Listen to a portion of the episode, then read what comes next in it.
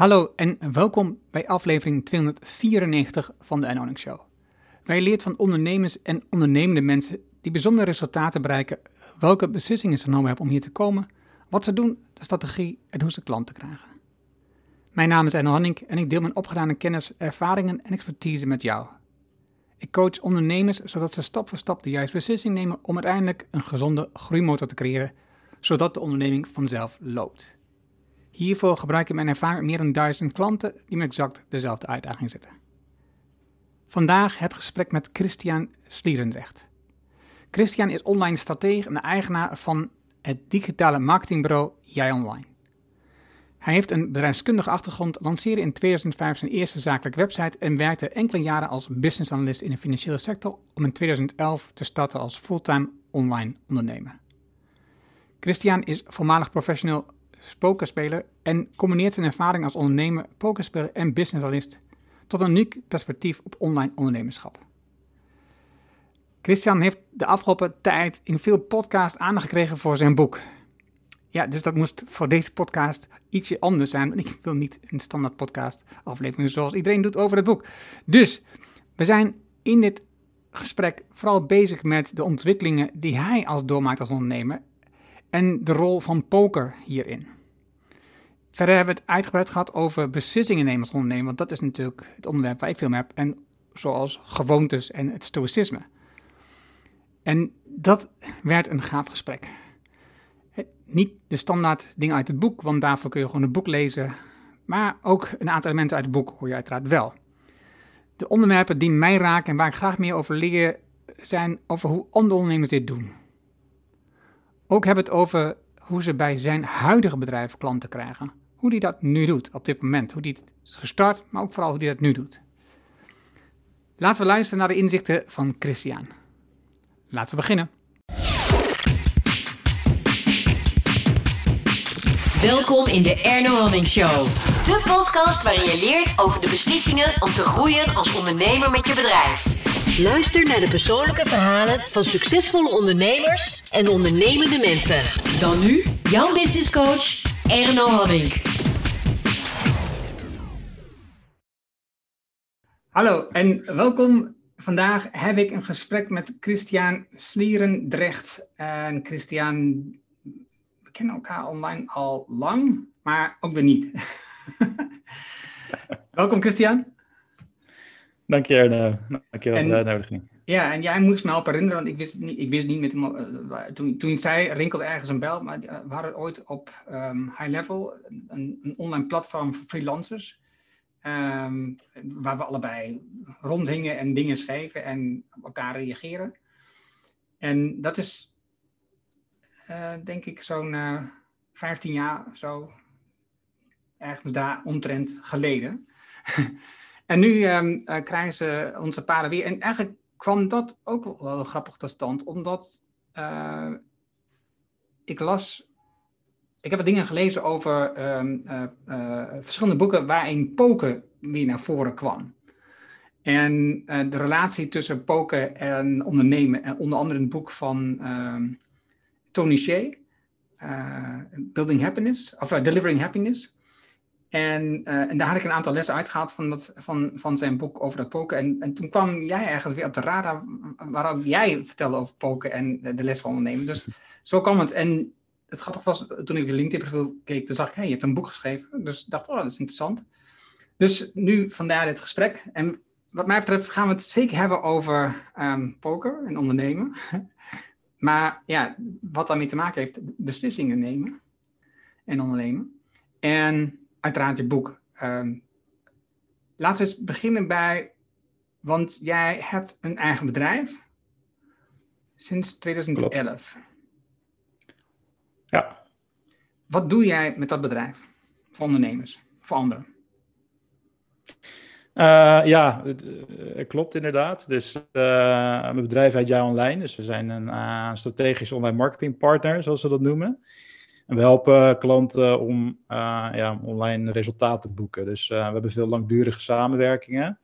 Waarbij je ook echt um, ja, samen gaat kijken van wat zijn je doelen?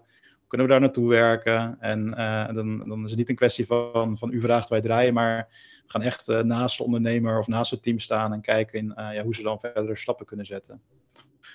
Ehm, dus dat is, dat is hoe, hoe, de situatie er nu uitziet. Ehm, en ja, als ik dan even terugga naar, naar het begin, dan, um, ik ben ondernemer sinds begin 2011. Uh, maar in 2005 had ik al tijdens mijn studie een eerste bedrijfje. En ook een eerste website. Dus dat is zeg maar, zover gaan wij ook terug. Um, want toen zat ik inderdaad op dat ondernemersforum High Level. Dat was toen nog een stuk groter dan wat er nu is, geloof ik. Qua hoeveel mensen daar posten en zo. Maar toen kwam daar op een gegeven moment de vraag van... Uh, ja, uh, willen een, volgens mij heette dat startblog of zoiets. In ieder geval een blog voor startende ondernemers gingen ze beginnen. En toen kwamen er geloof ik drie of vier mensen uh, die hun hand opstaken, waaronder jij, ik en ik geloof nog, nog één of twee andere mensen van het forum. En die zeiden, dat lijkt me wel wat. En ja, ik had zelf wel, um, voor mijn eigen leerproces blogde ik wel al best wel een tijdje. of dat, dat, was ik mee aan het beginnen, maar dat waren dan zeg maar blogjes die ik meer voor mezelf schreef. Dus dat publiceerde ik ook niet. Dus dat, was, dat vond ik toen ook nog een beetje onwennig, zeg maar. Gewoon dingen schrijven en op het internet zetten. Um, maar ik, toen had ik wel de eerste kennismaking met de kracht van het online kanaal. Dus nou ja, een eerste website gelanceerd. Dus dat was door, door een vriend van mij gebouwd. Um, en toen ben ik zelf een beetje gaan nadenken over de teksten die, er, die erop kwamen, de structuur en zo.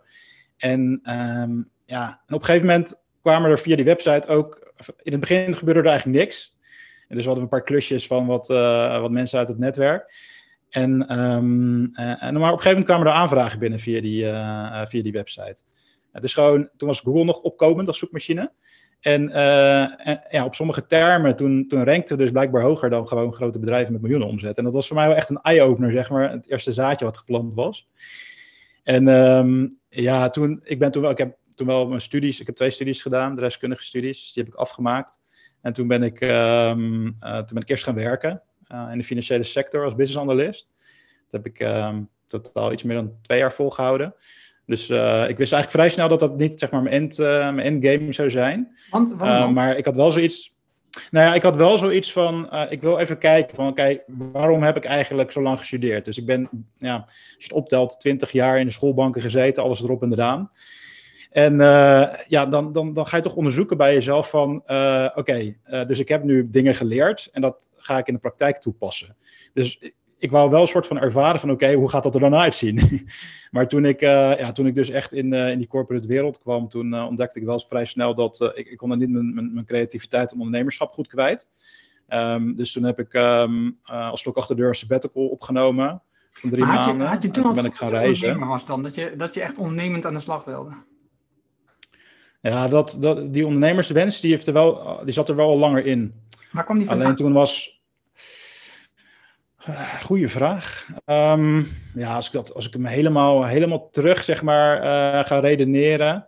Um, mijn ouders zijn, zijn allebei geen ondernemer, bijvoorbeeld. Hè? Mijn, mijn vader was, was docent.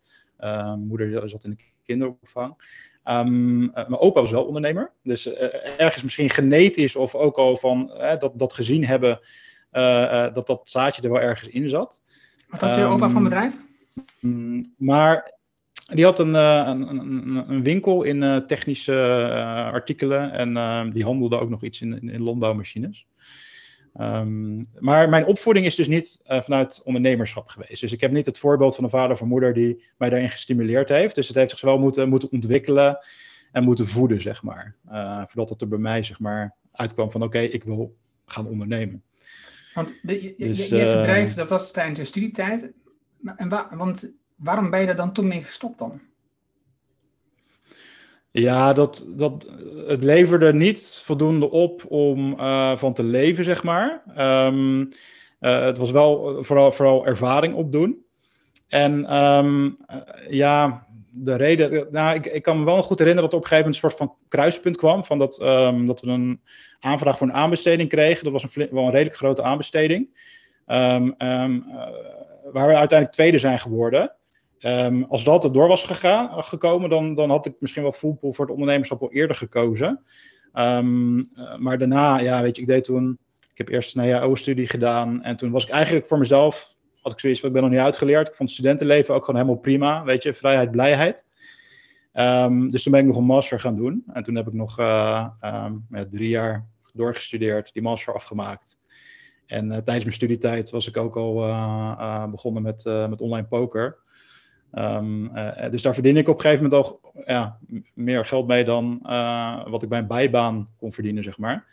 Dus die, die transitie die, ja, die liep een beetje op die manier. Um, was je meer met poker bezig dan met het studeren of viel dat nog mee? Uh, nou ja, ik heb een jaar over mijn scriptie gedaan, dus dat is echt wel voldoende. Dat ik het flink heb gerekt, zeg maar. En uh, daarna heb ik nog een tussenjaar uh, gedaan. Dus dan heb ik basically gewoon fulltime online gepokerd. Het pokeren dat begon ook in de studentenhuis, toch? Klopt, ja. ja. Ja. ja, we hadden een, elke dinsdag hadden we zo'n, gewoon een, in een gemeenschappelijke ruimte hadden we een, een pokeravondje met huisgenoten. En uh, ja, daar, daar, daar, daar begon dat een beetje. En toen, toen kwam ook echt wel een beetje die pokerboom op. Um, uh, dat elke avond zag je wel een pokerprogramma met commentatoren en dat soort dingen. En uh, iedereen ging het opeens doen. En voor mij was het toen dat ik op een gegeven moment kwam ik erachter dat er gewoon een kleine groep mensen waren die daar een beroep van hadden gemaakt. En dat was voor mij wel, zeg maar, dat intrigeerde me enorm. Want ik, ja, ik, wou, ik wou eigenlijk gewoon ontleden hoe dat kwam. Hoe kon dat, weet je? En toen ben ik me erin gaan verdiepen, boeken gaan lezen, um, handen analyseren. Ik zat op een online forum, uh, discussiëren over handen, hoe je het beste kan spelen. Uh, op een gegeven moment software erbij gebruiken, weet je. Gewoon echt gewoon het geheim achterhalen van hoe kan dat? Dat sommige mensen op de lange termijn winstgevend poker kunnen spelen. Dus dat, ja, dat, dat, dat, dat, liet me niet meer los. Dus dat ben ik op een gegeven moment ben ik me daar helemaal in vast gaan bijten. Wat, wat, was toen jouw conclusie hoe je dat op de lange termijn kunt volhouden? Ja, als je dat helemaal plat slaat, dan, dan, dat is ook een beetje jouw thema, maar dat gaat gewoon over continu uh, de meest optimale beslissing maken met de informatie die je, die je hebt. Um, um, aan de ene kant. En aan de andere kant ook je niet laten beïnvloeden door uh, emoties, zowel positief als negatief. Dus wat je ziet, um, en ik vergelijk het zelf wel eens met. Uh, ik maak wel eens de, vergelijking tussen een pokerspeler en een schaker. Dus ook als je naar ondernemers kijkt, heel veel ondernemers die denken na over strategie als een schaker. En dat is ook heel grappig als je gaat googlen op, uh, op plaatjes, Google image, image Search, en dan zoek je op strategie, dan zie je allemaal van die schaakborden, weet je wel, van die pionnen. Um, maar um, die, die wereld van die schakers is best wel tweedimensionaal, weet je, want je hebt een, een, een, een bord met 64 vakjes. En de grootmeesters, de grootmeesterschakers, die winnen gewoon op ja, mentale kracht, vooruitdenken, je tegenstander inschatten. En die winnen bijna altijd van een amateurschaker. Terwijl als je kijkt naar een pokerspeler, dan kan je tien keer achter elkaar kan je de juiste beslissing maken. Bijvoorbeeld een hand, uh, met een hand all ingaan waarbij je 80% kans hebt om die hand te winnen. Maar je kan die hand ook tien keer achter elkaar verliezen. En dat is dan wel variatie. Maar dan moet je wel tegen kunnen. En wat je dan ziet, is dat in de praktijk dat zowel um, als je een paar keer achter elkaar zo'n hand verliest, uh, dan, dan gaat dat doet dat iets met je. Dan voel je een soort van onrecht. Um, waardoor je beslissingen daarna uh, vertroebeld of verslechterd kunnen worden. Dus je, dat noemen ze dan op tilt gaan. Dus het kan zijn dat als je drie keer zo'n hand achter elkaar verliest, dat je denkt van, ah, waarom ik? Weet je, waarom weer zo'n bad beat? Um, en dat heeft dus impact op de beslissing die je daarna maakt. Nou, de, de echt winnende pokerspelers ben ik achtergekomen. Uh, op de lange termijn, die, die herkennen dat bij zichzelf. En die zorgen er dus voor dat ze niet op tilt slaan. En ook dat ze um, aan de andere kant in positieve zin, als ze dus vijf keer achter elkaar een hand verliezen waar ze de minste kans had om, om te winnen, dat ze ook niet in, in de euforie doorslaan. Dus dan kan je ook overmoedig worden. Dus het zit ook heel erg in mindset. Um, uh, ja, ik had, daar, ik had het boek van Annie Duke uh, gelezen, tenminste een van haar boeken, de nieuwste versie is How to Decide. En wat je daarin veel terug ziet komen is dus kansberekening. Dus nadenken over wat, is, eh, dus wat zijn de verschillende opties die er zijn. Wat zijn de verschillende mogelijkheden die er zijn. En, um, en dan voor elke optie die er is, doe je een soort kansberekening. Uh, in eerste instantie is een soort uh, grove omschrijving van inschatting wat je denkt, hè, aannemelijk, niet aannemelijk, dat soort dingetjes. Maar een bepaald ga je het echt omzetten in percentages. En zo uh, legt zij uit hoe je beter beslissingen kunt nemen. Is dat je gewoon veel beslissingen um, calculeert, bedenkt wat zijn mogelijke opties als, als eindresultaat. En, van, en, dan gaat nadenken, oké, wat is dan wat is de kant dat deze optie gaat optreden? En op basis daarvan de beste keuze dan maakt. Dus je, je ziet, die kansberekening wat je net zei, dus dat je nadenkt over, oké, de 80% van de kans is dat deze hand dan winnend is. Dat zijn wel dingen die je ook terug ziet komen bij Annie Duke in haar boek, ja. Wat grappig, ja. ja. Want dat, ja, dat is eigenlijk ook wat een winnende pokerspeler doet. Dus die cruncht eigenlijk alle informatie at hand. Maar dat gaat niet alleen maar om uh, harde informatie um, uh, of data. Maar het gaat ook bijvoorbeeld om een stukje gameflow. Dus wat voor ervaring heb je met je tegenstanders aan tafel? Uh, hoe zijn de handen daarvoor gegaan? Um, en aan de andere, andere, kant combineer je dat ook gewoon met data. Dus weet je, als je online poker speelt, dan kan je ook um, met software kan je ook gewoon precies in de gaten houden van deze persoon speelt zoveel procent van de handen, opent zoveel, verhoogt zoveel, weet je wel. Uh, dus het is echt een soort combinatie. Het is een soort van holistische manier van uh, kansen inschatten, die je dus nooit helemaal perfect is. En dat is in het echte leven ook zo. Dus als ondernemer maak je ook gewoon continu aan de lopende band beslissingen waar je van tevoren niet, niet weet wat de uitkomst is. Maar je kan, wel, um, je kan wel de kwaliteit van die beslissingen, daar kan je wel iets mee. Ja, nou, dat, is een van de dingen ik dus altijd zeg. In, en dat is iets wat ik heb geleerd van. Um, ik ben natuurlijk zijn naam kwijt. Uh, Jim Collins. Um, in een van de podcasts hoorde ik hem daarover spreken en hij had het over, dus het is heel ingewikkeld om je beslissing aan zich te verbeteren op basis van het resultaat. En dus omdat je helemaal erg weinig invloed hebt op het eindresultaat, is het veel beter om te kijken naar je beslissingsproces. Wat is het proces? En, en analyseer dat. Het is veel ondernemers wat ze doen, is op basis van, en wat je net al zegt, die, die worden heel erg optimistisch naar aanleiding van één, twee keer goed resultaat met een product of met een campagne of wat dan ook. Wat ze eigenlijk hebben gedaan zonder goede inzicht en kennis. Toevallig goed scoren en denken dan dat alles kan. Datzelfde zie je met, bedrijf, met ondernemers die een succesvol bedrijf hebben verkocht. Die gaan daarna andere bedrijven kopen en zeggen: En dit kan ik altijd doen en ben altijd succesvol. Nou, misschien lukt het een tweede keer, maar een derde keer gaat het mis. En dan zie je dus uiteindelijk dat het trucje niet herhaalbaar is, omdat je niet het proces hebt geanalyseerd, maar dat je gewoon uit bent gegaan van een goed resultaat. En wat hij zegt, Jim Collins, ook, hè, dus en, en, dat zie je bij Annie bijvoorbeeld ook weer terugkomen. Het resultaat is gewoon heel erg afhankelijk van kans, van kansen wat er gaat gebeuren. En daar heb je geen grip op. Op het moment dat je een beslissing hebt genomen, is eigenlijk dat hoofdstuk afgesloten. En dan gebeurt er iets en dan heb je een eindresultaat. En, en ja, dat kan goed of slecht zijn, maar dat heeft eigenlijk weinig effect op, um, of weinig verbinding, dat ik zo zeggen, met op het moment dat je de keuze hebt gemaakt. Dus het is veel belangrijk om ja. te analyseren wat gebeurde er toen ik de keuze maken, maakte en hoe kan ik dat stuk verbeteren. Ja, en, en timing kun je volgens mij ook niet timen. Ja, maar dat klinkt misschien gek, maar um, daar hebben ze volgens mij ook onderzoek naar gedaan. Als je kijkt naar succesvolle start-ups, dan is uiteindelijk de doorslaggevende factor vaak ook gewoon een stuk, van een stuk timing. Dus um, ja, weet je, kijk, veel ondernemers, zeker creatieve ondernemers, hebben vaak ook heel veel ideeën. En dan, ik heb ook nog zo'n lijstje van een stuk of twintig ideeën en websites en domeinnamen waarvan ik weet van ja, als ik hier full voor ga, dan, uh, ja, dan kan dat gewoon een succes worden. Uh, maar ja, je kan niet alles tegelijkertijd doen. En je moet ergens een soort van focus of sweet spot vinden die voor jezelf goed werkt. Um, en daar ga je dan alles om ophangen. Ja. Dus um, uh, maar ik vind het wel heel grappig, want zowel um, uh, het boek, ik heb net in de Duke even opgeschreven, die heb ik nog niet gelezen, maar ja, dat boek van Tony, die staat ook bij mij op de kast, een van mijn favorieten. Dus ik, ik, ik vertel zelfs een, in, in, in, het eerste hoofdstuk, zeg maar, het verhaal over Tony. die geef ik dan ook in mijn boek als voorbeeld, als, als iemand die, ja, het was een, als, als iemand die al vrij snel, zeg maar, um, uh, digitaal volwassen was en ook echt de kansen van het online kanaal zag voor een product wat eigenlijk helemaal niet logisch was, de schoen. Want mensen die, uh, waarvan mensen dachten van, dan moet je gewoon kunnen, kunnen passen en dat ga je niet online bestellen. En dat doorbrak hij. Maar wat een beetje, een beetje nou, veranderd of misschien wel speciaal was, was dat op het moment dat het boek gedrukt werd, toen, toen kreeg ik dus het bericht door dat, dat Tony, Tony dus overleden was, onverwacht, bij een brand. Um, uh, dus misschien dat ik in de tweede druk daar wel nog even een, uh, een, een, klein zinnetje voor me op, ja. moet opnemen. Maar tegelijkertijd vind ik het wel een soort van ode. Vind ik wel mooi uh, ja, hoe dat elkaar raakt. Nee, dat was, dat was de reden dat wij dit boek hebben gekozen voor de, voor de boekencast. Um, om opnieuw te lezen. Tom van der Lubbe en ik zelf. Omdat hij was, hij was toen een paar maanden daarvoor overleden. En we hadden dus, dat, het is wel, het allebei een interessant boek, een mooi boek.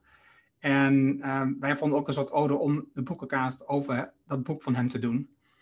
En een van de sterke punten die ik me herinner, um, als ik weer terugbreng naar dat poker uh, van Tony, is dat hij een van de belangrijkste keuzes die je maakt als pokeraar is aan welke tafel ga je zitten. En, en, dat, en, en dat vergelijk ik met ondernemerschap. Het is hetzelfde. Het is een van de belangrijkste keuzes die je maakt als ondernemer. In welke markt ga ik spelen? En dat zie je ehm, terug, als je dan kijkt naar dat schoenenverhaal, dat hij wel heeft onderzocht, ehm, want anderen zijn dat bedrijf begonnen, hij is later ingestapt, maar dat hij wel heeft onderzocht, wat is eigenlijk de haalbaarheid van, van dit product? Wat is eigenlijk de haalbaarheid dat een schoen werkelijk online te verkopen is? En dat heeft hij gedaan op basis van de ervaring van een inkoop van een ander bedrijf, die, die later bij betrokken is, die het via um, online, uh, niet, niet, via online shopping, via um, catalogus shopping, zeg maar. Dus uh, dat is uh, via die boeken, mm -hmm. dat werden schoenen gewoon besteld, zeg maar even via de, de Weekamp, hè, wat, die was volgens een boek. Post, postorder. Ja. Juist, post, dat woord zocht ik. Postorder. En dus daarbij had hij al wel zoiets van, oké, okay, dus, dus mensen zijn bereid om schoenen te kopen die ze niet konden passen. Dus, uh, dus, dus daar zie je zo. Dus ik, ik weet wel aan welke tafel ik ga zitten nu. Hè? Dus aan welke tafel ik de grootste kans heb om werkelijk iets. En die tafel was voor de rest helemaal leeg. Er was geen enkele andere speel ja. online met schoenen bezig was. Dus hij, kon, hij, kon, hij had het wel slim uitgedacht, uh, dat stukje. Het is wel een mooie analogie, want ja, tafelselectie noemen ze dat inderdaad, onder pokerspelers. En uh, ja, uh, hoe je dat dan in de praktijk doet als je online speelt, dan ga je kijken van, oh, hoeveel procent van de handen speelt iemand? Want als dat bijvoorbeeld 40 procent is, dan weet je al dat het, dat het een, uh, een, vis, een vis is, noemen ze dat dan. Iemand is die versla je kan verslaan als je, um, als je zelf wat, wat meer verstand hebt van het spelletje.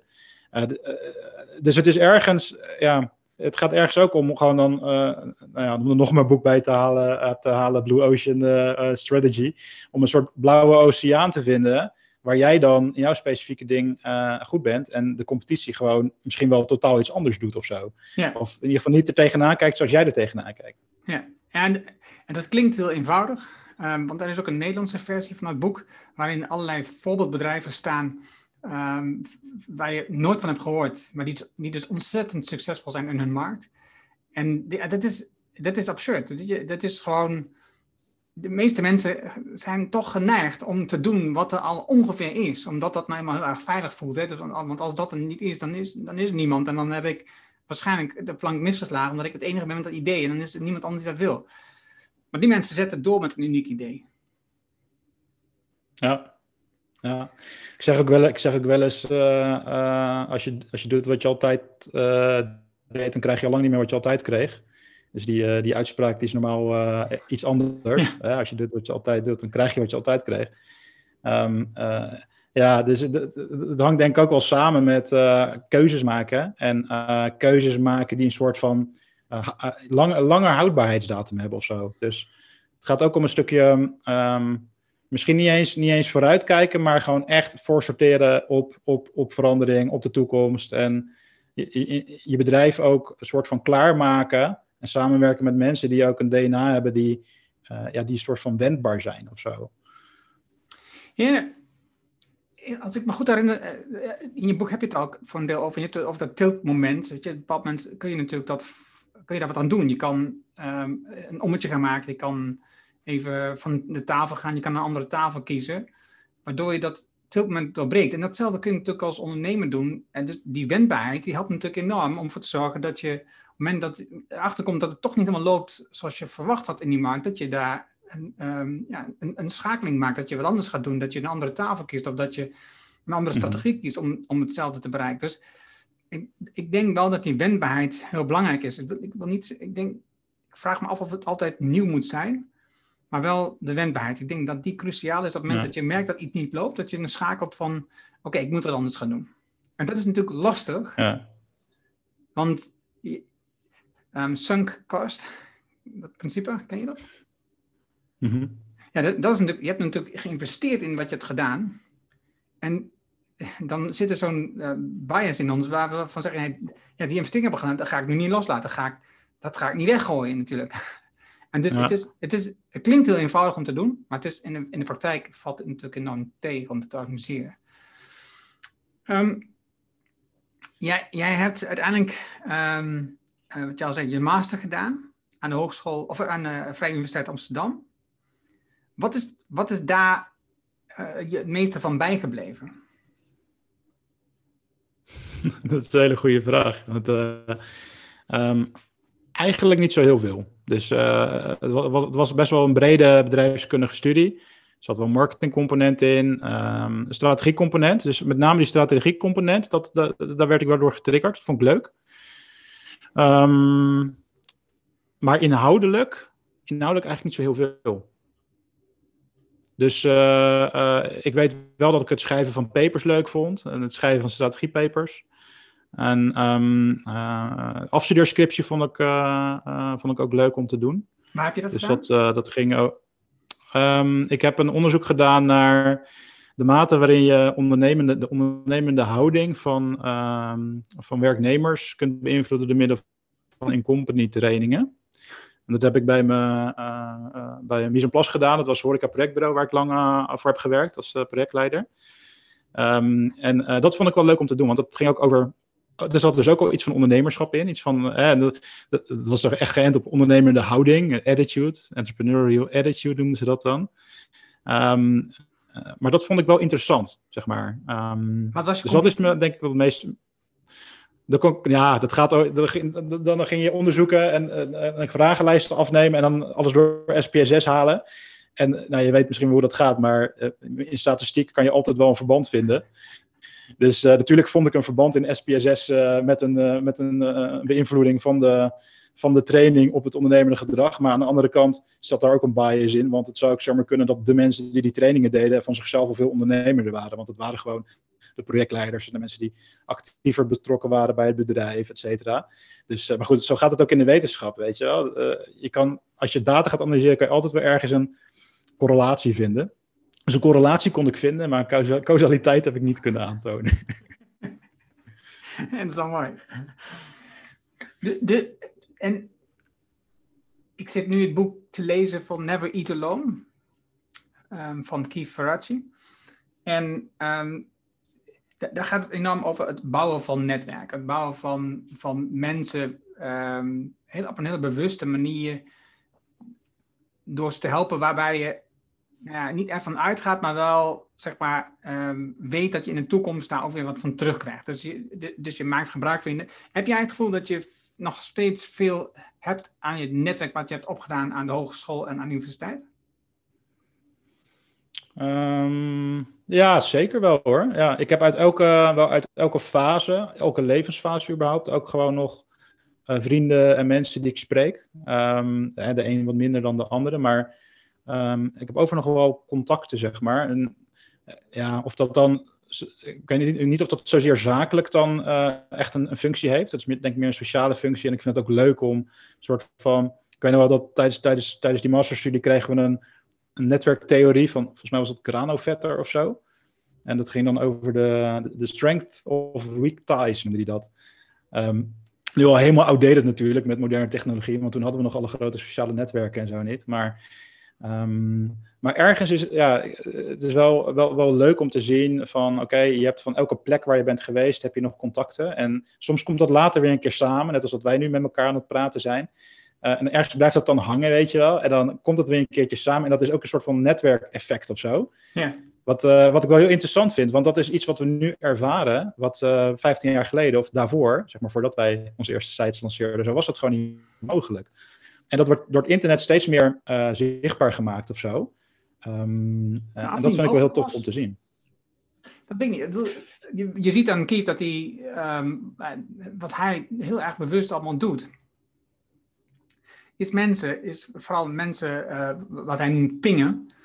Um, en, en dit betekent dus korte, korte contactmomenten zoekt, heel bewust. En dat kan zijn met een verjaardag uh, of even een kaart sturen of een belletje plegen. En um, uh, elke maand, elk kwartaal of elk jaar, afhankelijk van het soort contact, heeft één, twee, type 1, 2 en 3 contacten. En, en de type 1 contact heeft hij elke maand tenminste één contact mee en zo uh, kwartaal of jaar. En ja, ik, dat, daar heb je niet per se internet van. Maakt het wel makkelijker, maar heb je niet per se internet voor nodig. Dat is wel mm. super duidelijk. Hij legt de methode wel zo uit want een van de sterkste punten gaat uiteindelijk ook over Never Eat Alone, gaat over eten. Dus hij organiseert heel vaak dinners op een vrijdagavond waar mensen komen uit allerlei verschillende netwerken en die koppelt hij aan elkaar. En al dat dingen heb je niet per se online nodig. Dus ik denk niet dat dat doorslaggevend Ik denk, ik kan me wel voorstellen dat het online stuk makkelijker is. Ja, maar ook, maar eens het makkelijker is om met mensen contact, en zeker als je wat um, introverter bent. Maar het is ook makkelijker om meer het contact te verliezen. Ja. Kan ik me voorstellen. Ik, zit daar hard op te denken nu. Hè? Ja, nee, maar ik kan me ook, kan me, kan me ook voorstellen dat, ja, weet je, kijk, want, want um, in die end uh, ben je toch maar in staat om goed contact te onderhouden met een x aantal mensen. Um, ja, 150 en, uh, zegt, uh, heel veel bezig zijn. Ja, en heel veel bezig zijn met social media en, en impulsen en, en content, weet je, daar zit ook een max aan. Dus dat, dat, dat, doet ook iets met de mens nu. En eh, dat, daar moeten we ook mee omgaan, zeg maar. Dus uh, welke keuzes maak je daarin? Ja. Uh, laat je je overspoelen door informatie of creëer je bewust rust en ruimte om af en toe die impulsen niet te hebben? Mhm. Want dat heeft ook weer impact op de kwaliteit van de contacten die je hebt. Dus Hoe, hoe dat is ook wel een beetje. je Ja. bewuste ruimte? Nou ja, dat staat, dat staat regelmatig onder druk. Ehm, dus eh, wij, wij zitten we hebben twee kleine kinderen. En eh, je hebt ook in die, in die lockdowns, weet je, kwam ook thuis te zitten met kleine kinderen. Ehm, dus ik moet het echt, ik moet het gewoon wat meer plannen tegenwoordig. Dus gewoon eh, blokken in mijn agenda zetten wanneer ik gewoon ga schrijven. En wij hebben het met ons team hebben wij gewoon een soort van optimaal ritme eh, nu wel ontdekt. Waarbij we dan niet elke dag zeg maar een, een stand-up doen, maar drie keer in de week. Dus eh, begin, midden en eind van de week. En dan ook nog uh, even terugkijken. Um, en dat soort ritmes, die, um, ja, die moet je wel ontdekken. Want dat ligt denk ik ook een beetje aan je bedrijf, uh, wat daar goed bij past. En een beetje bij je cultuur, het team van je cultuur. Maar als je dat soort ritmes inbouwt, dan, dan geeft dat wel um, dat geeft een soort van, van, van, van houvast. Om, en, en, ook om momenten te pakken en vast te houden. dus dat, dat helpt daar wel bij. Ja. Ja, ik kan me het wel voorstellen. Wat, is voor jou. In je boek heb je het erover, maar ik, ga even gewoon naar jou kijken. Wat is voor jou de meest makkelijke manier om met mensen contact te houden? Um, WhatsApp, denk ik. Of uh, misschien is dat over drie maanden wel Signal. Uh, ik zie dat mensen allemaal aan het overstappen zijn nu. Vanwege de datagevoeligheid en Ja. de updates die ze aan het doorvoeren zijn. Maar, Ik heb het al vaak geprobeerd met, met een aantal groepen. Maar aangezien nog steeds mensen in allerlei groepen zitten die dat niet willen, dan lukt het maar niet om naar Signal te gaan. Ja. Het is soms onhandig. Ja, dat, de kritieke massa is nog niet bereikt, zeg maar. Dus dat... Nee.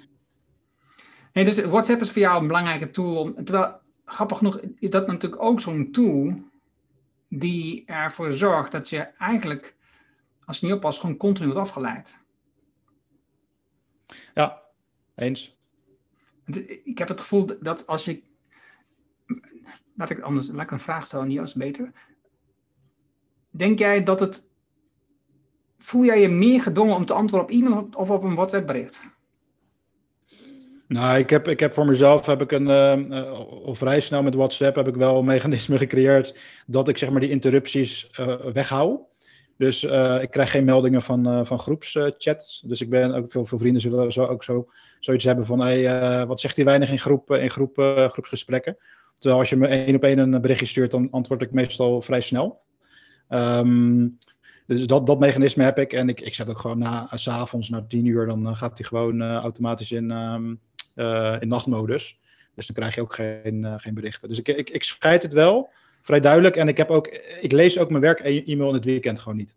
Dus, Oké, okay, uh, maar dus na tien uur gaat hij in, gaat hij in de off-modus, zeg maar. Dus dat betekent wel, uh, als je even um, kijkt, streng, 40-urige werkweek, dat is ergens tussen 8 en 5, hè, voor het gemak. Het betekent nou wel vrij eenvoudig dat je gewoon 4 à 5 uur aan de dag erbij aanplakt. Um, waarin je berichten binnenkrijgt. En natuurlijk van familie en bekenden, maar er komen ook natuurlijk werkdingen binnen. Mm -hmm. Hoe ga je ermee om? Ja, ik, ik, heb dat wel redelijk, ik heb dat wel redelijk geminimaliseerd. Dus hmm. uh, in mijn e-mailhandtekening zie je ook alleen maar een kantoornummer staan.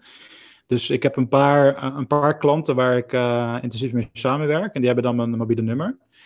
Um, dus het is niet dat mijn WhatsApp continu, uh, dat ik continu berichten doorkrijg. Dus dat is best wel, ik heb dat best wel weten te, te beperken. En ik doe dat ook wel, wel bewust eigenlijk. Omdat je gewoon merkt dat als je, hoe meer je laat afleiden, hoe minder, je, ja, hoe minder impact je gewoon kunt maken. Hoe minder je gedaan kan krijgen. Betekent um, dat je twee telefoons hebt, een zakelijk en een privételefoon? Nee, nee, één nummer. Oké, okay, okay. ja. Ja, ik, ik, ik ben niet, naar dit soort dingen enorm benieuwd. Want dat is natuurlijk dit soort, dit soort gedrag, gewoontes. ehm, wat je al zegt, dat is wat je enorm afleidt van je impact. Dus daar ben ik dan altijd benieuwd naar wat dat betekent. In jouw boek heb je het over een duurzaam bedrijf. Wat is voor jou een duurzaam bedrijf? Dat is een, uh, eigenlijk een bedrijf die de, de tand destijds kan doorstaan. Dus ehm, ehm, eh, een bedrijf wat mee kan veren met veranderingen. Uh, maar ook een bedrijf wat, wat een team, eigenlijk een team bouwt. waar je veel ja, aan de ene kant veiligheid hebt, maar ook veel onderling vertrouwen. En het vertrouwen ligt dus aan de teamkant, maar dat ligt ook aan de relaties met je klanten. Dus dat, dat, dat, dat, dat vind ik daar zelf heel belangrijk. Dat er gewoon een bepaalde vertrouwensrelatie is zodat uh, teamleden goed kunnen gedijen en goed kunnen leren. Dus als, als je daardoor um, continu blijft leren, dan wordt het ook makkelijker om je als organisatie aan te passen aan veranderende omstandigheden. En dan hoef je bij wijze van spreken vandaag niet te weten hoe de wereld er over drie jaar uitziet. Want um, je hebt mensen aan boord die, uh, die samenwerken om bestand te zijn tegen die verandering. En wat, wat, wat houdt dat in als je praat over um, een vertrouwensrelatie met de klant hebben? Wat houdt dat dan in voor jullie? Um, nou ja, dat je dus uh, echt samen wat meer, dus dat je echt wat meer in het DNA van een klant kruipt. Dus dat je uh, samen uh, gaat kijken van oké, wat zijn de doelen die we willen bereiken? Waarom willen we dat eigenlijk doen? Um, en dat je binnen die relatie, dat je dus ook als, kijk, wij hebben een, een, een, digital marketing agency. Dus wij helpen eigenlijk klanten om via het online kanaal bepaalde um, doelen te bereiken. Um, en dat je daar dus ook als, als agency uh, helemaal achter gaat staan. Dus dat je daar ook verantwoordelijk voor voelt. Um, en ook inzet op een lange, op een lange termijn relatie. Dus um, uh, wat bij ons goed past is, is dus klanten waar we lang mee kunnen samenwerken en echt een soort van samen kunnen groeien. En wat minder bij ons past zijn losse projecten, uh, kopstaart, klaar. dus dat doen we nog wel soms voor websites en zo. maar de core is echt wel langdurige samenwerking. En zijn dan vooral bedrijven die in een soort business-to-business omgeving en vooral die in een consumer omgeving werken? Ja, zwaartepunt ligt wel aan B2B kant. Dus uh, het grootste deel van de klanten zit in business-to-business, maar we hebben ook wel wat, uh, wat B2C. Um, ehm, gemeenschappelijke delers eigenlijk, uh, die zitten wat meer op mindset. Dus die zitten meer op het niveau van, um, kan je ook bepaalde experimenten runnen? Dus is er ruimte om te experimenteren en ook om te ontdekken wat wel niet werkt.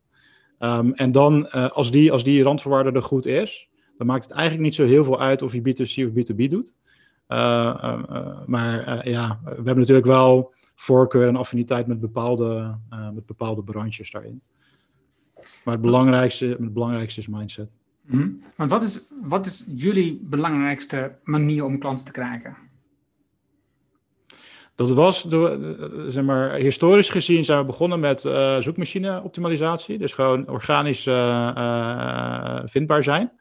En wat, Toen zijn wat, we dat aan gaan vullen dan, met... wat nou dan jullie zoekwoord? Want het is natuurlijk het is online bureaus, dat is, daar, daar stikt het van.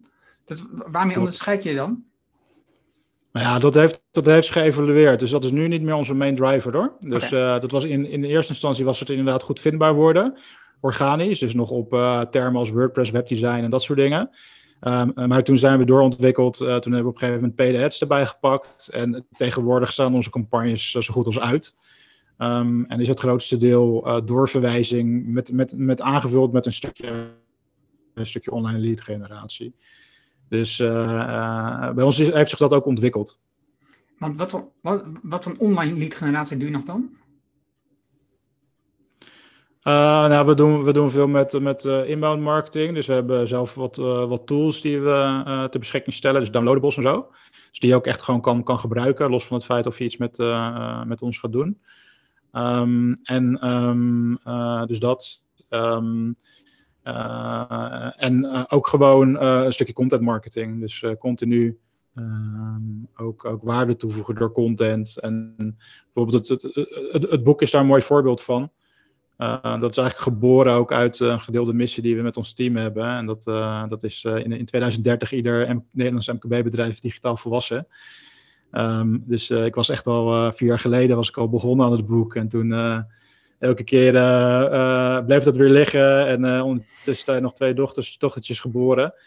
maar toen we ons achter die missie hebben geschaard, toen, um, ja, toen werd het ook een soort logisch vehikel en platform daarin. En merk ook van, en dat zul je zelf waarschijnlijk ook wel herkennen, want je hebt ook veel boeken gepubliceerd. Ehm, ja, weet je, je hebt gewoon veel content. En je hebt op een gegeven moment het schrijfproces helpt je ook weer om die content te organiseren en om een soort van puzzelstukjes in elkaar te leggen. Waardoor je gewoon heel veel hebt om, om te delen met de buitenwereld. En gewoon, uh, gewoon ook vanuit, vanuit het idee van waarde toevoegen door content en door ideeën te delen, uh, opent dat weer gesprekken. Dus dat is, vind ik heel tof om te zien nu met, uh, met de boeklancering. Dat ik ook gewoon ja, dit soort gesprekken, maar mensen die berichtjes sturen naar aanleiding van iets wat je deelt. mensen die met je willen connecten. En ja, en dat gaat dan over bepaalde thema's die, die, ja, waar je zelf van blij van wordt. En, ja. is dat herkenbaar voor jou? Ja, zeker. En, en, en um, vraag ik nog even of dat, of dat eerste stuk wat je zegt, je stelt tools beschikbaar. En in, in jouw geval moet je dan ook een e-mailadres achterlaten om daar dan die tool te krijgen? Sommige wel, ja. Sommige wel, sommige niet. Ik, uh, ik ben nu ook bezig met een nieuw platform, dat is echt nog heel beta. En daar, daar heb ik ook sommige dingen in gehangen. Uh, net zoals jij uh, nu ook een, open e-book hebt. met, een, met een tooltje of een testje, weet je, dat je het ook gewoon open, open neerzet. Uh, dus een beetje een combinatie van beide eigenlijk op dit moment. Want uh, ik, ik, ben dan hier echt benieuwd naar. Want waarom laat je het dan nu een beetje los? Wat, wat, wat is dan jouw motivatie hierbij? Ja, omdat eh, in dit specifieke voorbeeld ben ik, ik ben nu gewoon echt alleen maar bezig met uh, vooral veel kennis delen. En zonder dat daar nog een, uh, daar komt uiteindelijk wel een businessmodel aan te hangen, maar dat is nog niet helemaal uitgekristalliseerd. Dus mijn focus ligt nu echt gewoon op het, op het saaien en op het, op het, op het verspreiden, zeg maar. Uh, en ik wil het ook een beetje kunnen, kunnen testen naast elkaar, dus wat goed werkt. Dus aan de ene kant ben ik heel erg van informatie vrij uh, verspreiden. En aan de andere kant moet je natuurlijk een soort van uh, koppeling maken met, met je eigen sales funnel. Dus uh, ik vind het ook wel interessant om dat naast elkaar te leggen. En dan aan de ene kant gewoon veel meer bezig te zijn vanuit nou ja, uh, contact, nieuwe contacten opdoen via LinkedIn bijvoorbeeld. En aan de andere kant gewoon lead generatie via, downloadable, via downloadables. Um, of, zelfs, of zelfs werken vanuit een meer ABM-strategie of account-based marketing strategie, waarbij je gewoon gaat kijken van met welke klant zou ik graag willen samenwerken. En dan super specifiek op die doelgroep uh, content gaan maken. Dat je bij wijze van spreken zegt, ik weet niet of jij een soort van uh, uh, ideale klanten hebt in je hoofd van daar zou ik graag mee willen samenwerken. En dat je gewoon gaat kijken, nou, wie werkt daar? Hoe, kan, hoe zou ik ze kunnen helpen met content? En dat je gewoon op maat content maakt voor ze. En op die manier in contact komt en het balletje gaat laten rollen. Ja. Dus er zijn verschillende, verschillende strategieën in eigenlijk. ja, en ik vind het leuk om daar een beetje mee te, mee te experimenteren. En met die verwijzingen, doe je daar nog iets bijzonders? Heb je daar een soort strategie achter of een proces achter om dat te organiseren? Um, voor, voor, voor mijn eigen agency niet. Nee, dus dat is uh, vrij organisch gegaan. Um, waarbij um, het eigenlijk ook niet heel, op dit moment niet heel erg hard nodig is om er heel veel gas op te zetten. Uh, omdat mijn ambitie ook niet is om groter te groeien dan het team wat we nu hebben. Dus we zitten een beetje zo nu met, met een man of tien, waarvan zeven fulltime. en dat zit je, zit, je, zit je net op die knip van: oké, als je groter wilt gaan, dan, moet je, ja, dan word je echt een soort van manager, zeg maar. En ik heb nu, nu, nu ook samen met mijn compagnon gewoon uh, een redelijk uh, goede verdeling in taken. Hij meer de operatie runt. Ik zit meer aan de strategie en business development kant. En um, uh, dan ontwikkelen we liever dat team door, zeg maar, dat iedereen gewoon in een soort vrije systeem goed kan samenwerken in vertrouwen. Ja, dan dat we echt op de managersstoel willen gaan zitten. Dus voor mij hoeft dat ook niet, het team aan de agent kant hoeft niet, hoeft niet veel groter te worden. Ja, maar aan de andere kant, want dat is de agency kant, er komt nog een kant dus. Ja, ja, dus dat zit er meer in um, uh, onder het thema digitaal volwassen worden. Dus ja, dat is wel echt mijn ambitie om uh, de komende tijd gewoon veel meer tooling te maken, content, om ondernemers naar het volgende niveau van digitale volwassenheid, uh, van digitale volwassenheid te helpen. Ja. Um, alleen daar moet je ook ruimte voor creëren. Dus het boek is daar denk ik een soort mooie opstap in. Um, dus ik zit vol nu in die lancering en podcasts en exposure. en, en dat is super tof om te doen. Maar het kost ook veel tijd. Uh, en als je iets goeds wil neerzetten, bijvoorbeeld in de vorm van een, uh, van een, uh, van een online leeromgeving of, een, of een, misschien wel iets van een community-achtige component, dan moet je daar wel ook, ook focus op gaan pakken. Dus dat is meer iets wat ik vanaf volgend kwartaal verder handen en voeten ga geven. Oh, interessant. Ja, dat, dat is, in jouw boek komt bijvoorbeeld account-based marketing naar voren, dat, dat zei je net ook al, en um, consultative selling. Is uh, twee elementen die mij al heel lang uh, bezig hou, waar ik al heel lang bewust mee bezig ben. Ik denk ook dat voor mij zit, zit daar de kant in. Als je, als je niet um, van plan bent een supergrote groeien, maar dat je wel wil groeien, um, is het gewoon heel interessant om je heel erg te richten op maar enkele klanten die je echt wilt um, hebben en die je erbij wilt hebben. En dan kun je, wat je zegt, kun je gewoon echt content op maat maken, gebaseerd op die ene klant in plaats van heel algemeen term te werken. En, dat, ja, dat, dat, dat geeft wel iets. En hetzelfde geldt voor een community bouwen. Dus als je zo'n community had, zoals toen bij High Level, ja, dat, ja, dat is toch bijzonder om zo'n soort community op te richten en te organiseren.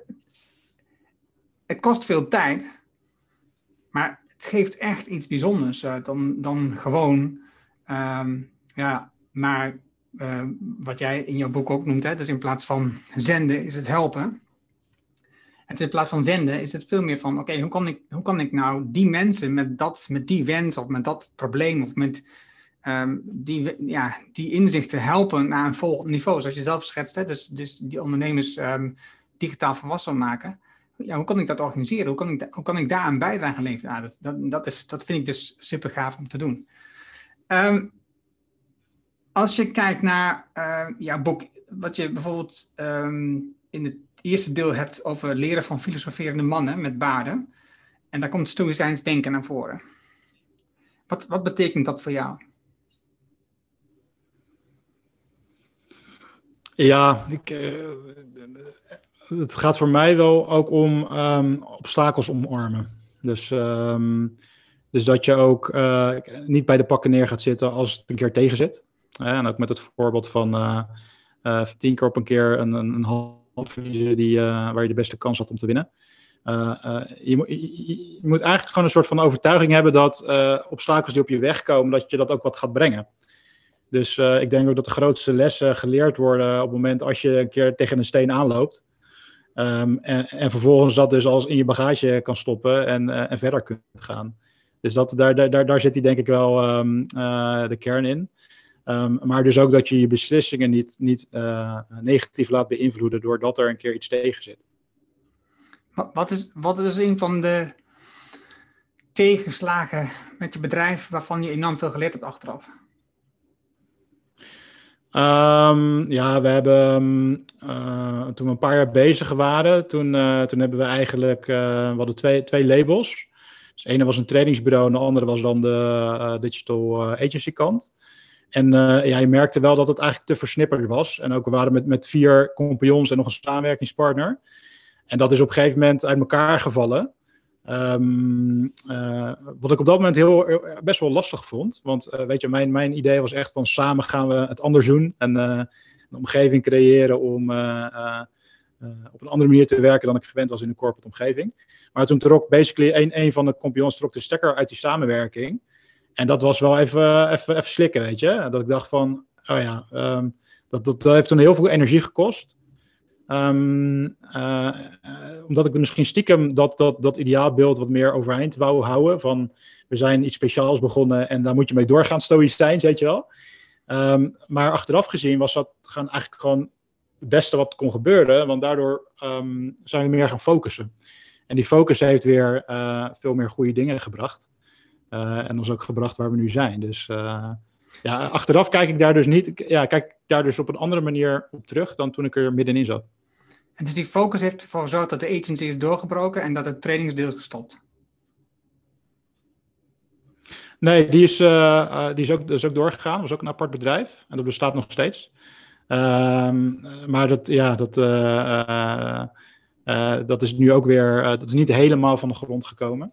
Maar dat bestaat nog steeds. Ja. Maar ben jij er nog bij betrokken? Nee. Nee. nee. precies. Dus dat heb jij losgelaten. Dus jij hebt je op dat agency-stuk geconcentreerd en het trainingsbureau is de andere kant op gegaan.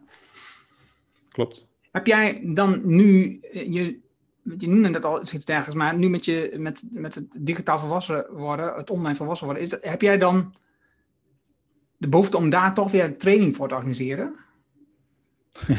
dat is wel een goede vraag. Want kijk, het, trainingslabel was een heel, ander, uh, was een heel andere tak van sport. Dus het ging over sollicitatietrainingen. Oh ja. Um, maar de, de component met, met, met uh, educatie, dat, dat, ja, dat, dat zit wel ergens nog. Dat, dat kriebelt nog wel ergens. Dus um, Dus ik ben wel ook met wat onderwijsinstellingen al in gesprek, uh, die ook iets zien in het boek, ook als een soort van raamwerk, op een moderne manier uh, lesstof aan te kunnen vliegen. Um, dus daar zit, in die hoek zit wel iets wat, wat zeg maar, zich nu wat meer aan het vormen is. Dus ik heb dat nog niet helemaal. Ik heb wel bij mezelf ook een beetje afgeleerd om te lang vooruit te plannen. Dus te lang vooruit te denken. Dus daar was ik vroeger altijd van. Um, nee, alles vooruit uh, uitpluizen en dan alles doorrekenen, et cetera. En ik ben nu iets meer van, oké, ik laat het iets meer ontstaan. En, en, dat, ja, organisch laten groeien of zo. En dat, dat, dat werkt eigenlijk wel heel prettig, merk ik. En als je dan praat over te lang, wanneer is het dan, hoe ver kijk je wel vooruit? Nou ja, kijk, als je, als je bijvoorbeeld gaat kijken naar uh, goal setting of zo, dan, uh, dan durf ik wel heel ver vooruit te kijken. Dus ook echt, echt hoe de wereld er over tien jaar uitziet. Dus ik zag ook in jouw e-book dat je ook iets van een pre-mortem of post-mortem experiment omschrijft. Dat is er eentje die ik zelf onlangs ook heb gedaan, samen met, of, of, voor een artikel op Frank Watching. En uh, voor mijn eigen agency, dat ik mee gaan kijken van uh, mezelf in een mentale staat plaatsen van, het is nu tien jaar later en mijn agency is net failliet gegaan. En dan terug beredeneren wat het verhaal is wat daartoe heeft geleid. Ja, dat, dat vind ik super toffe mechanismes om te gebruiken. En uh, daar ook weer een leuk gesprek over gehad in een podcast met een andere agency-eigenaar. En uh, dus heel ver vooruit kijken, dat vind ik juist heel tof om te doen. Maar dan wel veel meer op visieniveau. Dus ik denk wel dat het goed is dat je, dat je op visieniveau ver vooruit denkt. Maar je hoeft niet helemaal uitgerekend te hebben wat het dan betekent voor, oké, welke cijfertjes staan aan welke kant op over tien jaar. Dus dat is iets wat je meer op een timeframe loslaat van een jaar misschien wel, om een soort grip te krijgen misschien zelfs drie jaar, maar uh, in ieder geval niet, uh, niet plus tien jaar. Ja, nee. Ja, die premortem, dat is, ik, ik, dat is stoïcijns, dat komt uit diezelfde Romeinse tijd natuurlijk. En het is, en het postmortem, wat, dat beschrijf jij in je boek, dat is net iets anders. Het is, premortem komt ook terug over in het boek van Annie Duke. Uh, wat je dus doet op het moment dat je dus voor een, um, stel wat zij beschrijft, je, hebt dus, je staat voor een beslissing, je onderzoekt de verschillende opties die er zijn uh, om die beslissing te maken, dus die keuze te maken. En dan mhm. zou je een bepaald moment van enkele van die opties een premortem kunnen schrijven. Dus wat gebeurt er um, in het slechtste scenario um, als ik deze optie doorvoer? Wat gebeurt er dan? En dan kun je daarna nog de volgende stap maken. Op het moment dat ik dus deze, uh, als dit is dan gebeurd, wat kan ik dan doen om dat te voorkomen? Ja, en dat vind ik dus een mooie aan dat mechanisme, is nadenken over, oké, het premortem bijvoorbeeld, dat kun, je gewoon wekelijks doen voor jezelf. Dat is, uh, ik doe dat meestal op zondag. En dan schrijf ik een A4 voor met premortem over na te denken over bijvoorbeeld wat zou gebeuren als mijn vrouw er niet meer zou zijn, of mijn kinderen uh, zouden worden, of um, het huis zouden verliezen. En dus wat je doet is jezelf bewust uh, maken van de dingen die je nu hebt. En um, zodat je wat meer dankbaar bent voor die, in plaats van alleen maar bezig bent met wat je nog niet hebt. En, en dat vind ik een mooi element aan de premortem verhaal. Zo, en zo is het ook uit het Romeinse stuk gekomen. En dat past heel erg bij het Stoïcijns uh, stuk vandaar. Ja. Ja, gaaf hoor. Maar ik denk dat, dat dat soort mechanismes die worden in de praktijk heel weinig gebruikt. Want we zijn heel vaak, hebben we de neiging, oké, we moeten plannen maken, daar moet je aan committen en daar ga je dan aan werken. Terwijl um, uiteindelijk eh, ieder zoektocht, uh, of je blijft daarin hangen, of je zoektocht gaat meer naar, oké, wat, wat, wat past goed bij me, waar word ik gelukkig van? En dat zijn vaak toch elementen die uh, alleen maar je, je zakelijke doelen overstijgen. Ja. Dus ja, ik vind, die, ik, vind, ik vind dat soort, ja, ik noem dat dan tijdreizen, weet je, dat soort mechanismes vind ik heel krachtig. En uh, wij doen ook um, eigenlijk, deed eerst twee keer per jaar, nu één keer per jaar. Dan gebruiken we ook een vragenlijst uit, die komt uit Theory U. Ik weet niet of je dat iets heb zegt. Heb ik gezien, ja. Maar dat, dat is ook een super, super krachtig mechanisme. Dus dat gaat eigenlijk ook over uh, ja, uh, leading from the emerging future noemen ze dat. Dus weet je, toekomst ontstaat. Um, en binnen dat ontstaan kan je dus bepaalde perspectieven aannemen die ook weer helpen om je, om je keuzes beter te maken of je beslissingen beter te maken. Dus daar zitten ook vragen in als, ja, die een beetje, ook een beetje in de hoek zitten van, hey, als je later op je sterfbed ligt, wat wil je dan achtergelaten hebben? En als je het aan, aan, aan, je jongere versie van jezelf vraagt, toen je kind was, hoe zou die dan, wat zou die dan nu tegen je zeggen? Weet je? En dat soort perspectieven gebruiken, dat is echt superkrachtig. Dat heb ik ook wel ervaren. Ik, ik, lees soms dan mijn antwoorden op die vragen van een paar jaar geleden nog eens terug. En dan zie je echt gewoon dat het echt wel mooie dingen heeft gebracht. Ja, ja, precies. Oké, ehm, ik ga zo even naar het laatste deel van het boek. Ehm, ik, ik, begrijp één ding niet van het middelste deel. Voor de rest mag iedereen dat stuk zelf lezen. Daar, ga je echt in op de conversie en al soort dingen allemaal. daar wil ik het niet over hebben. Um, ik ga vanuit dat je daar al heel veel vragen over hoe dat werkt. Maar je hebt eh, in die methodewereld, deel 2, heb je het over het VINC-model, FINC-model. Um, maar als ik naar die elementen kijk, um, het is niet een acroniem. Het is idee, platform, traffic, conversie. Dus ik, ik, ik, ik heb het niet goed gelezen waarschijnlijk, maar waar komt de, de term FINC-model vandaan? Ja, goeie. Ja, ik heb die vraag al eerder van iemand anders ook gehad. Dus toen ben ik terug gaan kijken. En toen zag ik ook dat ik eigenlijk die term niet in de eerste linie heb uitgelegd van het hoofdstuk. Dus hij komt wel terug in de, de concepten achterin. Maar ik heb dat blijkbaar zo ver, vereenzelvigd dat ik het gewoon gebruik. Maar Vink staat uh, voor uh, van idee naar conversie. Het was heel eenvoudiger dan ik anders. ik kreeg wel een leuke reactie ook van iemand uh, uh, die ook zei van ja, en ik, ik, ik, ik, ga, ik, ik, ga het boek lezen en ik ga, ik ga het afvinken. En dan schreef hij het zo met V, I en C, weet je wel. Ik moet hem van mijn to-read lijstje gaan vinken straks. Dus wat mij betreft kan het een werkwoord worden. Maar ja, ik had het dus al te, het zit te veel in mijn systeem dat ik blijkbaar dacht dat ik het niet in eerste alinea hoef uit te leggen. Ja, ja, nee, dus dat komt voor de, voor, de tweede, voor, de, voor, de, voor de tweede druk is dat een goede toevoeging. Ik dacht echt, nou, ik, ik, ik heb het overgeslagen. Ik snap er niks van. Hoe zit het? Want ik zocht echt die acroniem van idee, platform. Ik denk, nou, dat, dit zijn een halve Engels, dus dat kan het ook niet zijn. Hoe zit het dan? En dan het tweede ding, wat ik ook moeite mee heb, ik ook niet zo op begreep, dan leg je een bepaald moment de link naar um, aarde, water, wind. Waar, komt die link dan vandaan? Ja, dat is, gewoon, dat is dan gewoon uh, mijn uh, innerlijke Aristoteles, denk ik, die, uh, die een soort van metafoor zoekt. Omdat, ja, kijk, de body van het boek is best wel, gaat over de methode. En er zit ook best wel veel uh, ja, um, jargon. Ik, er zit redelijk wat jargon in, zeg maar. Marketing, marketingmethodiek. En ergens, ergens zocht ik daar naar een wat meer een metafoor die, uh, die je iets ver, verder kan doorvertalen naar, uh, ja, naar de echte wereld. dus vandaar dat ik daar zeg maar, elementen, de letterlijk de elementen heb gekoppeld aan de echte elementen. En toen ik dat aan het schrijven was, merkte ik ook van ja, er zitten wel bepaalde verbanden en mechanismes die je gewoon één op één kan vergelijken. Dus dat, dat is hoe dat ontstaan is. Helder, helder. Oké, ehm, waar ik nog benieuwd naar ben, je, je hebt het in uh, de gewoontewereld, ja. Dan heb je het echt over mijn onderwerp uiteraard. Dan, uh, dat is het, het is het stiekem het deel wat ik als eerste heb gelezen. Dus ik ben in deel 3 begonnen. en um, dan heb je het onder Oh, lachen. Ja, ja maar ja, we hadden natuurlijk via LinkedIn op die manier contact over dit soort onderwerpen. Dus, dus dat deel ging echt over de gewoonte. Dat was het deel waar ik meest benieuwd was wat, over hoe jij dat zag, over hoe, je dat, hoe jij dat in had beschreven. Dus, dus vandaar, dus leek, dat leek mij van mij heel logisch. Um, maar jij had het onder andere over strategische groeigewoontes. En dan kom je terug op um, scaling up en EOS. Um, is, zijn dat ook modellen die jullie in jullie agency hebben gebruikt?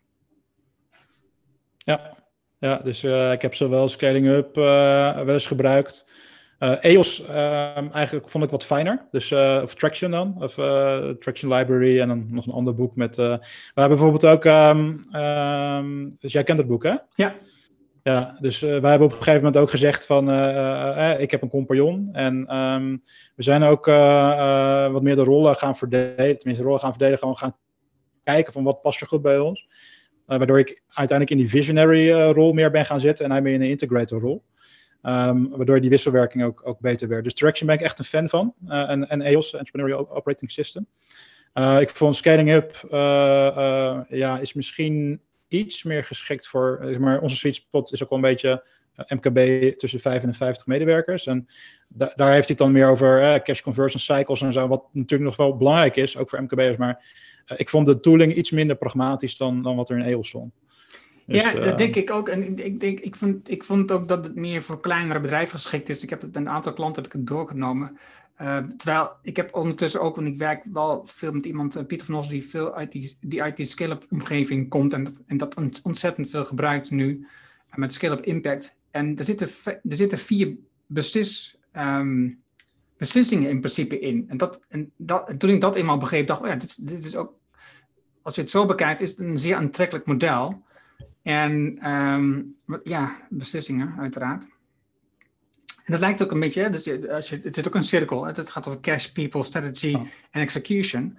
Um, dus ja, dat is, dat is eigenlijk gewoon in de kern een heel eenvoudig model. En ook daar in het boek heb je het over. Hè? Dus, eh, dus maak het eenvoudig. En daar zijn die Amerikanen zo ontzettend goed in. En dat je, dat je mm wat heel ingewikkeld is, maakt ontzettend eenvoudig, zodat je daar een boek over kunt schrijven en iedereen dat kunt, uh, kunt vertellen hoe makkelijk ja. dat is als je dat op die manier doet. Ja, en traction, ja, dat is. Ja, het, het voordeel is natuurlijk al in het boek, dat is alleen omdat het heel erg verhalend is geschreven, waardoor het heel makkelijk leest. En dus niet een theoretisch mhm. boek is, maar meer een, ja, een, een vertelboek. Um, maar het, ja, het maakt eigenlijk grotendeels gebruik van dezelfde strategie van scaling up. Dat is, dat is de andere kant. Ja. Het zijn dus eigenlijk twee, twee voorbeeldboeken voor mij ook hoor. Ja. Um, en, wat ik dan weer leuk vind aan, aan, uh, aan Scaling Up is dat het ook een link is met de Rockefeller Habits. Dus eigenlijk wat je ook maar in het begin van, van mijn boek geef ik ook een, um, uh, een, een, vragenlijst of een, een, lijstje met, met stellingen. Um, uh, die ook gewoon voor een deel over gewoontes gaan. Waardoor je ook kan toetsen hoe ver je in die digitale volwassenheid zit. En um, dus die Rockefeller Habits, die heb ik zelf ook, ook als model gebruikt. Uh, en ook, uh, heb ook een tijdje gebruikt om te kijken van hoe ver staan we daarin. En waar kan je aan verder werken. Dus ik heb ze eigenlijk beide, beide wel toegepast in de praktijk. En er dan ook dingen uitgepakt waarvan ik denk van, ja, dit zijn gewoon krachtige mechanismes of zo. Ja. Uh, ja. Ja, ik denk ook dat als, als ondernemer, dat het handig is om zo'n soort model te hanteren Um, en, of, en, in, in de online marketing iets vergelijkbaars als je nu het Vink-model hebt, dan het voordeel is gewoon dat je dus veel meer doelgericht dingen kunt ondernemen die, die gekoppeld zijn aan een model wat al zich bewezen heeft, wat werkt, in plaats van telkens je eigen nieuwe dingen uitvinden en telkens opnieuw het wil uitvinden. Daar heb ik nogal een neiging uh, van. Dus um, nee, je had het over theorie. ja, er zit een hele vragenlijst van in hoe je het kunt organiseren. Die ga ik zeker nog een keer opnieuw doen. Die heb ik niet. Ik heb hem gelezen, maar ik heb hem niet beantwoord die vraag. Dus dat wil ik zeker doen. Um, hoe leer je het beste? Is een van. Nou, laat ik dan zeggen. Om af te sluiten, vind ik het goed om. Kun jij de dingen opnoemen die je, die je het beste nu kunt doen, die, waar je mee kunt beginnen? Eigenlijk je laatste hoofdstuk, zeg maar. Ja, ja. Ja, nou ja, kijk, je, je benoemt, het net zelf al, zeg maar, een ontdekkingstocht naar uh, hoe je het beste leert, is denk ik een hele belangrijke. Dus uh, op het moment dat jij van jezelf weet dat, dat, je, dat je het super tof vindt om podcasts te maken, om podcasts te maken en met mensen in gesprek te gaan en daar een legerige houding in te nemen, dan kan dat een supergoed format voor je zijn. En dan, dan moet je je ook niet gedwongen voelen als ondernemer om elke dag of elke week een blogartikel te gaan schrijven als het niet goed bij je past, bijvoorbeeld. Terwijl uh, bij andere mensen past, dat juist weer heel goed. Schrijven of misschien wel video's schieten. dus het verschilt heel erg per persoon. Dus um, ik ben heel erg, ik, ik, probeer altijd heel erg mee te geven van ja, die ontdekkingstocht is denk ik gewoon, dus niet per, per definitie dat je dat op school al leert. Dus op het moment dat je dat van jezelf weet en je kan dat dan ook die lessen kan je, kan je ook door middel van content weer delen met de wereld. Ja, dat is iets wat je vrij snel kunt gaan doen. En wat ook dat, dat ja, ik vergelijk het dan wel eens met een vliegwiel, weet je wel. In eerste instantie kost het veel moeite om beweging te krijgen op je ideeën en op je content. Maar op een gegeven moment gaat het steeds makkelijker. En zeker als je daar een format voor uh, vindt wat goed bij je past. Um, en, een, en, een, tweede ding wat denk ik heel goed is, is om ook naar, dat heb ik kort aangestipt, maar om een soort te zoeken naar een ideaal ritme. Dus um, wat, wat werkt voor jou goed? en voor je team. Dus uh, niet, niet, niet meetings gaan doen om het meetings doen, maar ja, meetings hebben niet alleen maar als reden om, um, uh, om af te stemmen, maar ook om een soort van ritme te creëren of om uh, momentum te pakken of vast te houden. Dus dat, dat is ook wel een eentje die, die je vrij snel kunt inregelen als het nog niet optimaal is. waar je nu eigenlijk al stappen mee kan zetten. En um, want de dingen die je ook zei, dus, je hebt het over borgkennis, verdeel je kennis en verplaats je continu in de klant en de klant van de klant. Um, nou, dat, dat, zijn hele eenvoudige, simpele stappen die je noemt, waarmee je direct kunt beginnen. Uh, de, de, deel 2, de methode, weer, ja, die, is, die is natuurlijk een stuk uitgebreider. Daar, daar, zit je echt wel, daar ben je echt een tijd bezig om dat goed voor jezelf te organiseren. Um, ik zag in je LinkedIn profiel dat je uh, op een aantal certificaten van HubSpot. Is dat, HubSpot, is dat een tool die jullie gebruiken? Ja, klopt. Dus het is eigenlijk een, uh, nou, het is tegen, tegenwoordig echt een platform. Dus uh, ze zijn echt begonnen als marketing tooling, marketing automation. De kern is CRM. Dus wat, je, wat je ook wel ziet is dat het wordt steeds belangrijker om echt eigenaar te zijn van je, van je klantdata. Um, ook met ontwikkelingen in, in, in, in cookies en in tracking. Uh, maar HubSpot levert eigenlijk en een marketing systeem, een CRM en ook een sales systeem eromheen. Dus je kan, je kan er leads invangen, die kan, je kan deals aanmaken, die kan je opvolgen, je kan je sales pipeline erin runnen.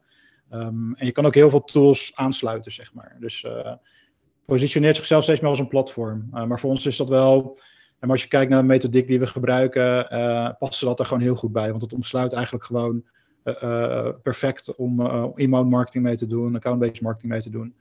Dus voor ons was het ook een zoektocht naar de juiste tooling. En uiteindelijk zijn we zelf ook bij HubSpot uitgekomen. Ja, en, en is het in principe ook de tool die je zoveel mogelijk standaard gebruikt bij de klanten?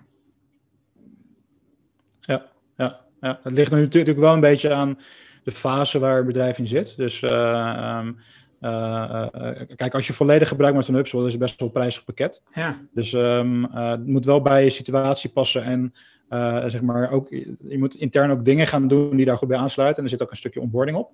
Dus um, sommige klanten die gebruiken een lichte variant of een, uh, een, een, een, goedkopere variant. En andere die, die omarmen het al voor volledig voor marketing en sales. En die komen dan in een wat, wat, wat, wat uitgebreider pakket terecht. Interessant. Wat is een klant die jij nog graag zou benaderen? Goeie vraag. Um, ja, eigenlijk heb ik niet een, specifieke klant uh, op ogen. Uh, uh, als ik dan kijk vanuit, vanuit, vanuit de agency kant. Um, ik, ik, zie hem eigenlijk meer van wat ik, wat ik graag zou willen bereiken. Is gewoon echt een grotere groep marketing professionals en ondernemers. om die vervolgens ook de tools en de kennis te geven om hun eindklanten weer het volgende niveau van digitale volwassenheid te bereiken. Dus dat, dat is meer een beetje waar, ja, waar, waar ik zelf naar aan het toe bewegen ben. Uh, dus, dus, dus als je me vraagt, heb je één specifieke klant op ogen? Nee. Um, uh, ik zou het liever aan een, meer aan een grotere groep mensen uh, eigenlijk empoweren om, om hun klanten weer, weer, weer goed verder te helpen. Is dan zo'n platform als bijvoorbeeld marketing, of marketing, um, Frankwatching, is dat dan, is dat al niet eigenlijk een soort community waar mensen um, dit zoeken? Ja, dat denk ik zeker. Ja. Ja, dus ik, ik, ik ben daar ook onlangs begonnen met, uh, met bloggen en artikelen delen. En uh, ja, daar zit, daar zit gewoon een groot deel van de community al. Uh, die dan weer klanten heeft, hebben, die, ja, die gewoon een goede slag kunnen maken in digitale volwassenheid. Dus um, ja, dat, ik, denk dat die wel een heel groot deel van, de, van Nederlands MKB ook een beetje in, die, in, die, in, die, categorie 50, 5 tot 50 medewerkers, dat die die wil aanraken. Het is alleen een kwestie van, ik denk dat, uh, dat het aantal, aantal tools en ook de focus op zeg maar, het helpen van klanten naar die volgende stap, dat die zich nog moet ontwikkelen. Dus zeg maar, de, meeste, de meeste marketing agencies die richten zich nu toch nog op het leveren van diensten. Terwijl het uiteindelijk ook gaat om een stukje transformatie faciliteren. en ook klanten helpen om ja, marketing als core proces zelf wat meer intern te borgen. Dus daar zit je verschil. Je verschil zit er echt in om ervoor te zorgen dat de klant het eigenlijk zelf ontwikkelt. Nou, ik denk, maar, mijn, maar dat is een beetje koffiedik kijken. Ik, uh, mijn verwachting is dat over een jaar of tien, dat de meeste uh, MKB-bedrijven die, die hebben uh, marketing gewoon wat meer omarmd. Dat zie je bijvoorbeeld ook in EOS. Hè? Die, ze het plat, heb je marketing, sales, finance en, en operations. Eh, die marketingtak, um, dat is gewoon een core proces en dat, moet dat, dat wordt gewoon steeds meer intern geborgd. Waarbij uh, freelancers en agencies, die zullen altijd nog een soort van hybride samenwerken. Maar over tien jaar zie ik wel vorm dat die, dat, dat die cruciale marketingfunctie intern gewoon goed geborgd is.